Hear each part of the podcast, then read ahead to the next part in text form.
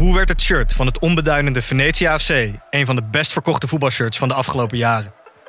Wat is er zo geniaal aan de MLS-deal van David Beckham? En waarom vinden we het normaal dat jeugdspelers gezien worden als investeringsobjecten? In de podcast Grof Geld onderzoek ik, Sam van Raalte, voetbaljournalist, samen met merkstratege Per van der Brink de macht van geld in de voetbalwereld. Wat gaat er schuil achter de wereld van sport en glamour? En wie profiteert er? Luister naar Grof Geld en hoor hoe de Skybox de staantribune beïnvloedt. Op een dag ontdekte ik Villa Betty.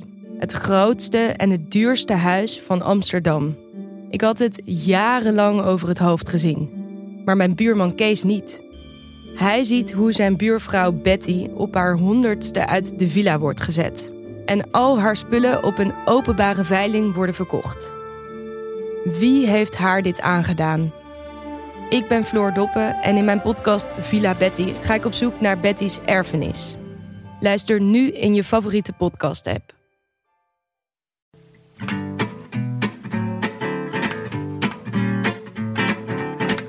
Het is zondag 30 april en we zitten precies in een nieuwe dalletje van het wielerseizoen, waarin de klassiekers van het voorjaar zijn afgelopen en de grote ronde staan te beginnen.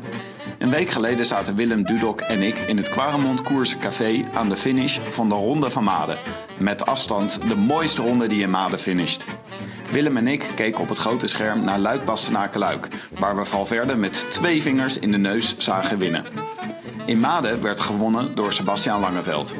Na de finish werden de barbecues ontstoken en trokken Willem en ik ons terug om de Rode Lantaarn aflevering op te nemen. Net toen we klaar waren kwam Jetse Bol het café inlopen. We trokken hem aan zijn jasje en hij bleek bereid om nog even bij ons aan te schuiven.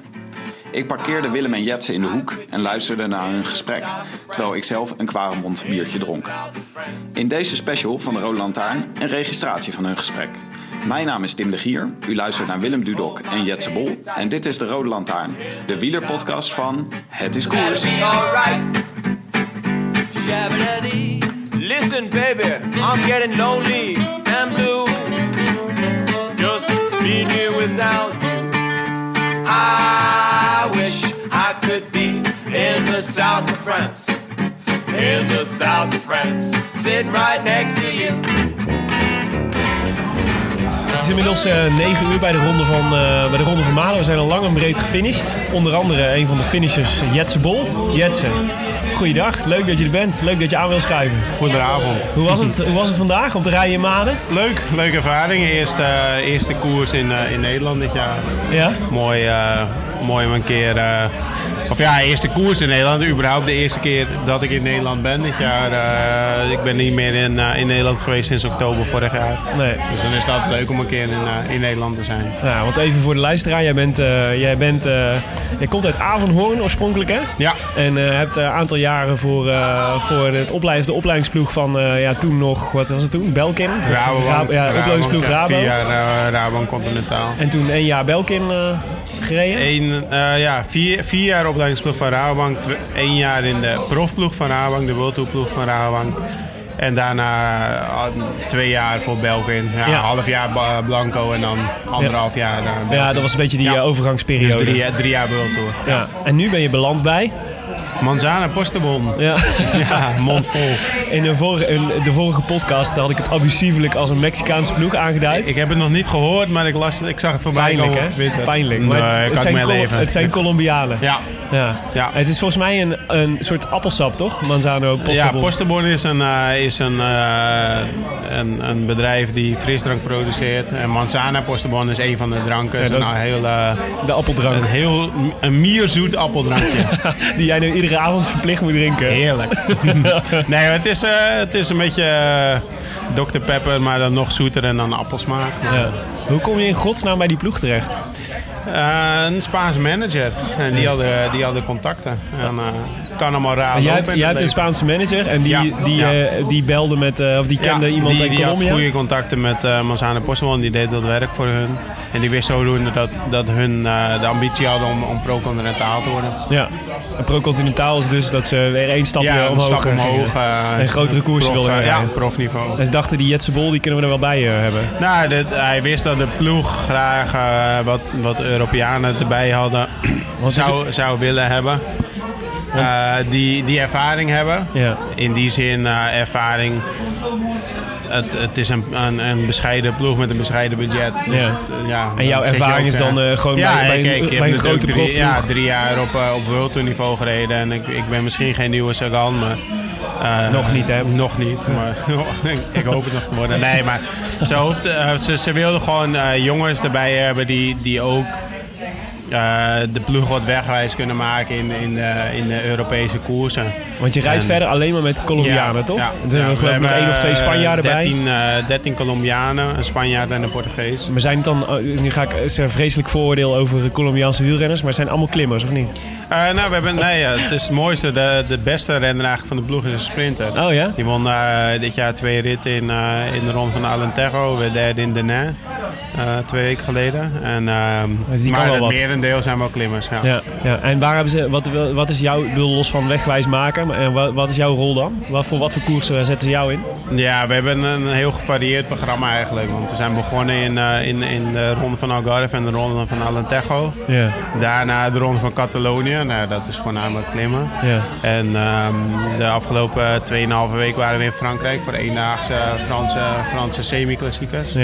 Dus het En dan een zit beetje... jij met, eh, eh, met 12 Colombianen in één camper. ja, we waren met z'n tienen. Met tien, eh, dit, was, mij- dit was de eerste keer dat ik de enigste Europeaan was. Dus dat was wel even... Ik zag volgens mij een fotootje op je Twitter dat je, dat je beland was bij een Colombiaanse familie omdat alle was- restaurants ja, dicht waren. klopt.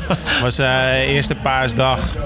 eh, kwam de ploeg tot de ontdekking dat eigenlijk alles gesloten was. Had ik ze kunnen vertellen, maar ik wist niet wat de plannen waren. Maar het mooie is eh, dat, dat Colombianen zitten echt overal. Ja. En zijn hele, hele vrolijke, open mensen. En dus ja, er was iemand eh, die wist dat er eh, Colombianen in de buurt woonden. Dus we schoven eh, heel mooi aan bij een, bij een familie. En we zijn goed verwend. Te gek zeg. Ja, mooi. Ja. Maar is dat, is dat klassieke ren- rijden voor een uh, Colombiaanse ploeg? Is dat zeg maar wat je ervaring tot nu toe ook?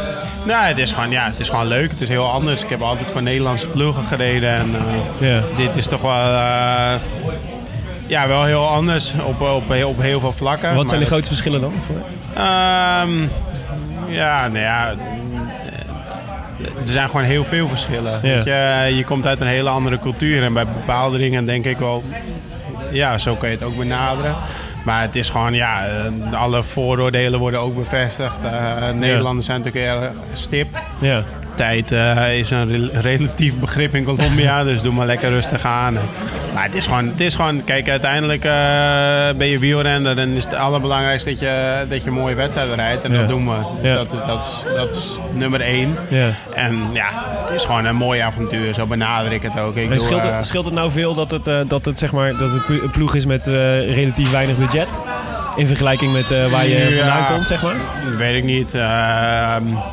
Het is, eh, we zijn bescheiden in wagenpark en dat soort dingen bijvoorbeeld. Maar ja, word je daar een minder wielrenner van? Ja. Als je, Want je hebt geen, je- jij, jij krijgt zelfs de sleutels van de camper in plaats van dat je een buschauffeur hebt nu. eh, Zeg maar. Nou ja, dat was meer omdat we... De, omdat, dat, we- dat was ook eh, van Parijs-Roubaix. Ja. Ja. Nee, dat was ehm, de ploeg. We reden wat, wat eendaagses in Frankrijk, maar de ploeg reed ook nog een eendaagse in Spanje daarna. Maar die reed ik niet, dus ik ben in, in Frankrijk gebleven. En zijn ze alleen met de auto en, eh, en een busje op en neer gereden. En bleef de camper Ja. daar dus zo doen. Nee, maar ja, kijk, eh, wij hebben een camper in plaats van een bus. Maar word je daar een mi- minder wielrenner van? Nee. Ik bedoel, je kan beter een camper hebben en de Ronde van Catalonië rijden als eh, een supermooie touringcar en eh, ja, noemen ze een iets kleinere wedstrijd op, die rijden, weet je wel. Dat, Ja.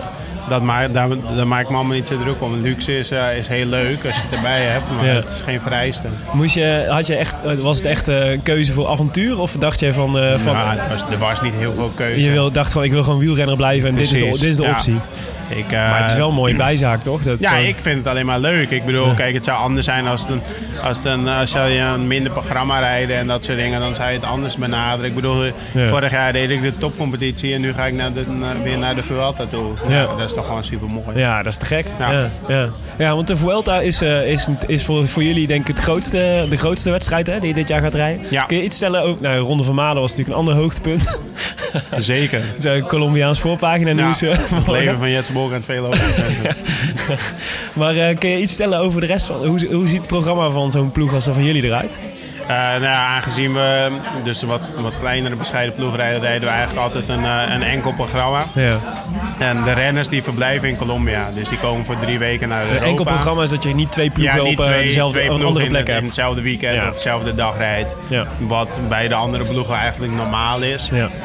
Ehm, maar omdat de renners niet in Europa verblijven, maar elke keer terug gaan naar Colombia, rijden we eigenlijk een beetje alles in blokken. Ja. Ehm, dus zoals nu dan de afgelopen periode reden we drie weken lang in, in Frankrijk slash België rond. Ja. Ehm, dus we rijden twee, drie weken wedstrijden. Dan gaan de Colombianen terug. Ja. Meestal rijden met vijf, zes Colombianen. En dan komen er vijf, zes nieuwe Colombianen deze kant op om, om weer verder te koersen. Maar aangezien ik hier altijd ben, kan ik altijd rijden. Ja.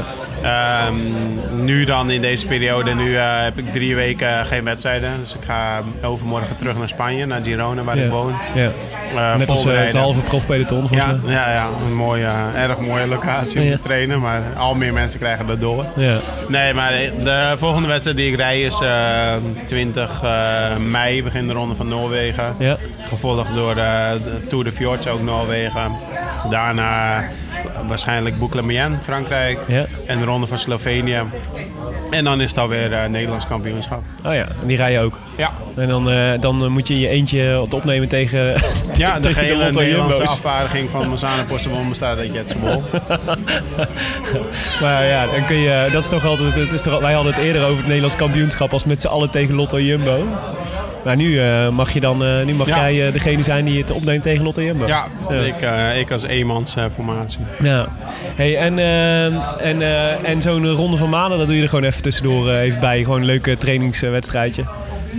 Ik was in Nederland, dus... ehm, Ja. nou, en die jongens, en die, maar die jongens van het Scores, die, zijn, die hebben een soort, een soort jouw persoonlijke fanclub Ja, geworden. ja, Hoe is dat zeker. eigenlijk ontstaan? Eh, poeh, ja, een aantal jaar geleden in, in de Ster ZLM Tour. Ja. Dat is, dat is een beetje jouw koers, toch? Dat je drie keer gewonnen hebt. eh. nee, dat is de Olympias Tour. Oh, Olympias nee, Tour. ZLM eh, mocht ik willen dat ik hem drie keer gewonnen had. Oh, ja. Maar ik denk nu niet bij Mazane Postbon rondgereden. Maar ik vind drie nee, keer- maar, eh, ja, dat is leuk. Ik vond het mooi om uitgenodigd te worden op de barbecue ter ere van Jetse Bol. Ja. Dat was fijn dat ze werd uitgenodigd als uh, Jetse Bol. Ja. Grappig is dat. Ze, ze, kennelijk, eh, kennelijk zien ze wel eh, de charme ook van uh, renners. Maar je, je, moet je, je voegt wel waarde toe aan je cultstatus door gewoon voor een Colombiaans ploeg te rijden, volgens mij. Want Bas van Eyck, Ja, de voorzitter, maar- zei... ik, ik zou willen dat we de... We krijgen de shirtjes niet geïmporteerd van, eh van, eh, van Manzana. Ik zou, ik zou er wel een afzetmarkt voor weten. Nou, er, is inderdaad wel vaak gevraagd van worden ze al verkocht, man. Ja. Ik ben, daar zijn we nu mee bezig. We willen ze deze kant op krijgen om eh, Ja. iedereen in het, in het mooie roze te steken. Goede merchandise te doen. Oké. De Ronde van Maden werd... je, je, nou, je haalde de finish wel, maar niet in de kopgroep, hè? Nee, helaas in het peloton. Ja, we hebben in ieder geval nog één ronde vooraan gereden. Precies. Nou sinds het eh, het interview met Michael Bogert weten hoe dit, hoe dit soort dingen gaan. Nee, ik denk ja, toch wel de, de jetlag van het reizen vanuit Europa wel, eh wel Ja, ja, die was wel stevig. Ja. We hadden het net eh, in onze podcast over de Giro. Ik dacht, daar wil ik het met jou ook nog even over hebben. Want dan natuurlijk, jij bent natuurlijk naast dat je coureur bent, ben je natuurlijk denk ik ook nog wel wielerliefhebber. Ja, zeker. Die graag Ja. kijkt en, en Ja, waarschijnlijk ik- met ik dezelfde soort... Ik ben, ik ben wel echt een, een groot liefhebber. Ik kijk met net zoveel liefde naar de, de livestream van eh Arno Wallaert... als dat ik uh, Luik Bastenaak Luik eh, ga kijken. Als, als er wielrennen is en ik, ik heb de tijd, dan kijk ik, ja. Oké. Eh, wij hadden net, eh, wij zeiden net, eh, de Giro wordt natuurlijk echt spektakel voor Nederlanders. Echt Ja. zo'n luxe, luxe positie waar we jarenlang nooit meer in hebben gezeten. Met eh, volgens mij en Mollema en Kruiswijk en Dumoulin die gewoon kans hebben om, eh, om op podium te rijden misschien wel. Ik zie jou Ja. een beetje... Ja, kans, kans. Iedereen heeft kans. Ja. Alle 200 mannen die starten hebben Maar laten kans. zeggen, een grotere kans dan- een grotere- grotere kans. grotere kans dan Maar normaal. Ik, ik denk, ja, we moeten wel ook gewoon... het is natuurlijk wel, eh, wel heel mooi naar wat, wat Kruiswijk vorig jaar heeft Ja. gedaan. Maar we moeten er ook niet klakkeloos aan uitgaan dat er even podium wordt gereden. Wat denk jij? Wie, wie, op wie zou jij je kaart eh, zetten? Het is, het is zo lastig, eh, lastig te voorspellen. Ik bedoel, Ja. vorig jaar was het natuurlijk al met Kruiswijk was ook niet in de, in de lijn der verwachting. Ja. En, dan, en dan als outsider heeft hij daar hele mooie dingen gedaan. En, en won hij bij, bijna won hij de Giro. Ja. Maar ja, het is, het is voor mij zo koffiedik kijken, joh. Ja. Het is ja, gewoon- voor ons ook, maar dat is Ja. toch leuk juist? Ja, nee, tuurlijk. maar de, als, het, als het allemaal zo voorspelbaar was, dan zou het ook veel minder leuk zijn. Ja, ja, dat is waar. Maar van de, laten we zeggen, van Kruiswijk, Dumoulin, eh, Mollema, wie zou je dan, wie, wie, als, ik je, als ik je zou dwingen om, eh, om te kiezen, van wie zou je dan denken dat hij het... eh, Wow, het is, het is zo lastig in die zin van wat ik al zei, weet je. Kijk, vorig jaar dit Kruiswijk, het was outsider. Ja. Ja. die is geen outsider nu meer. Nee, dus daar- iedereen gaat ook letten. nog een vergrootglas op. Ja. Daar wordt nu ook heel anders tegen aangekeken. Dus die gaan ze ook niet zomaar laten rijden, wat ze misschien vorig jaar wel eh, een keer hebben gedaan. Ja. Ehm, maar ja, die heeft wel bewezen vorig jaar dat hij toe in staat is. ja. En dat, maar ja, aan de andere kant heeft Dumoulin dat eh, twee jaar geleden in de Vuelta ook eh, net zo gedaan. Ja. En, en, en Mollema in de Tour eh, een paar jaar terug ook. Dus Ja. Zie je het Ja. ze doen, podium rijden? het, het is mogelijk. Ja. Of ze het doen, ja, dat weet ik niet. Ja. de Giro gaat gewoon een heel sterk deelnemersveld hebben. Als als, als je nou kijkt naar, eh, wij zijn altijd, eh, wij waren vandaag, eh, je hebt het natuurlijk niet gezien, Luik Bastenaken Ja, ik heb de laatste zes kilometer Nou, wij waren weer, we vonden het weer super tof dat Sam Omen en Ja. Nick van der Lijken en zo allemaal Ja. echt, en, en Dumoulin natuurlijk, maar van der Lijken en Omen was wel verrassender. Als je nou moet kijken naar de, zeg maar, de nieuwe generatie die er aankomt, waarvan zijn er jongens waarvan jij denkt van die zijn, die zijn echt goed. Eh, ja, nou ja, Ome heeft natuurlijk wel eh, in de afgelopen anderhalf jaar aangetoond eh, Ja. potentie te hebben. Eh, ja, verder. eh, ja. Ik denk voor voor het klimmen voornamelijk Ome wel. Ja? Eh, nou, weet je wat ook gewoon mooi is? Dumoulin bijvoorbeeld is ook gewoon nog hartstikke jong. Ja, hè? Alleen ja, da- da- daar hebben we nu al zulke verwachtingen Ja. van. Maar het is eigenlijk ook gewoon nog een talent in mijn ogen. Ja. En, Ja, wij zagen ook dat, eh, wat was het nou, bij eh, dat Van Baarle, ook nog maar, eh, die is ook maar 24. is ook maar 24, ja. ja. Hoe oud ben jij? 27 Ah, hij is al heel oud van natuurlijk. 89. Ja, ja ik, maar ik, ik, ik ben oud, maar ik voel me 21. Dat is misschien nog wel het Nee, allerbelangrijkste. dus ik heb toch altijd voor de echte mooie wedstrijden moet je toch de hardheid hebben Zie van een moet een 30 beetje plus. gerijpt zijn, dus ik heb nog gewoon En alle die, tijd. en die kun jij niet gewoon in Colombia op gaan doen de komende tijd. zeker. Goed. Jetse, dankjewel. Ik vond het onwijs leuk om met je te praten. Yes. Eén laatste vraag. Rij je ook Parijs Tour? Nee, ik eh, ben bang dat hij niet, eh, niet op de kalender staat. Maar ik zat eh, vorige week vier, vijf dagen in, in tours in een hotel. Ja. Dus ik heb alles goed verkend. En afgelopen week dat ik hier naartoe gevlogen, gewoon zo mooi. Lag ik te slapen in het vliegtuig tegen het raampje aan. Op een gegeven moment werd ik wakker. Ik kijk naar links en vlogen recht boven Tours. Ik werd wakker recht boven Tours. Dus misschien is het wel Een voorteken. een voorteken. Mijn, eh, een van mijn eh, momenten die me denk ik twee jaar van mijn leven heeft gekost. Dat jij eh, tot 500 meter voor de streep vooraan reed in Parijs Tours. En dat iedereen dacht, wow, Jetse Bol gaat gewoon Parijs Tours winnen. Ja, ik was er dichtbij, maar weet je... Je, zei- je zei zelf net, ik ben, ik ben heel slecht met datum. Ik was dit eigenlijk alweer... je bent het misschien niet vergeten wanneer Ja. het wa- dat het was gebeurd. Maar wel dat het... Welk jaar, daar moest ik inderdaad even over nadenken.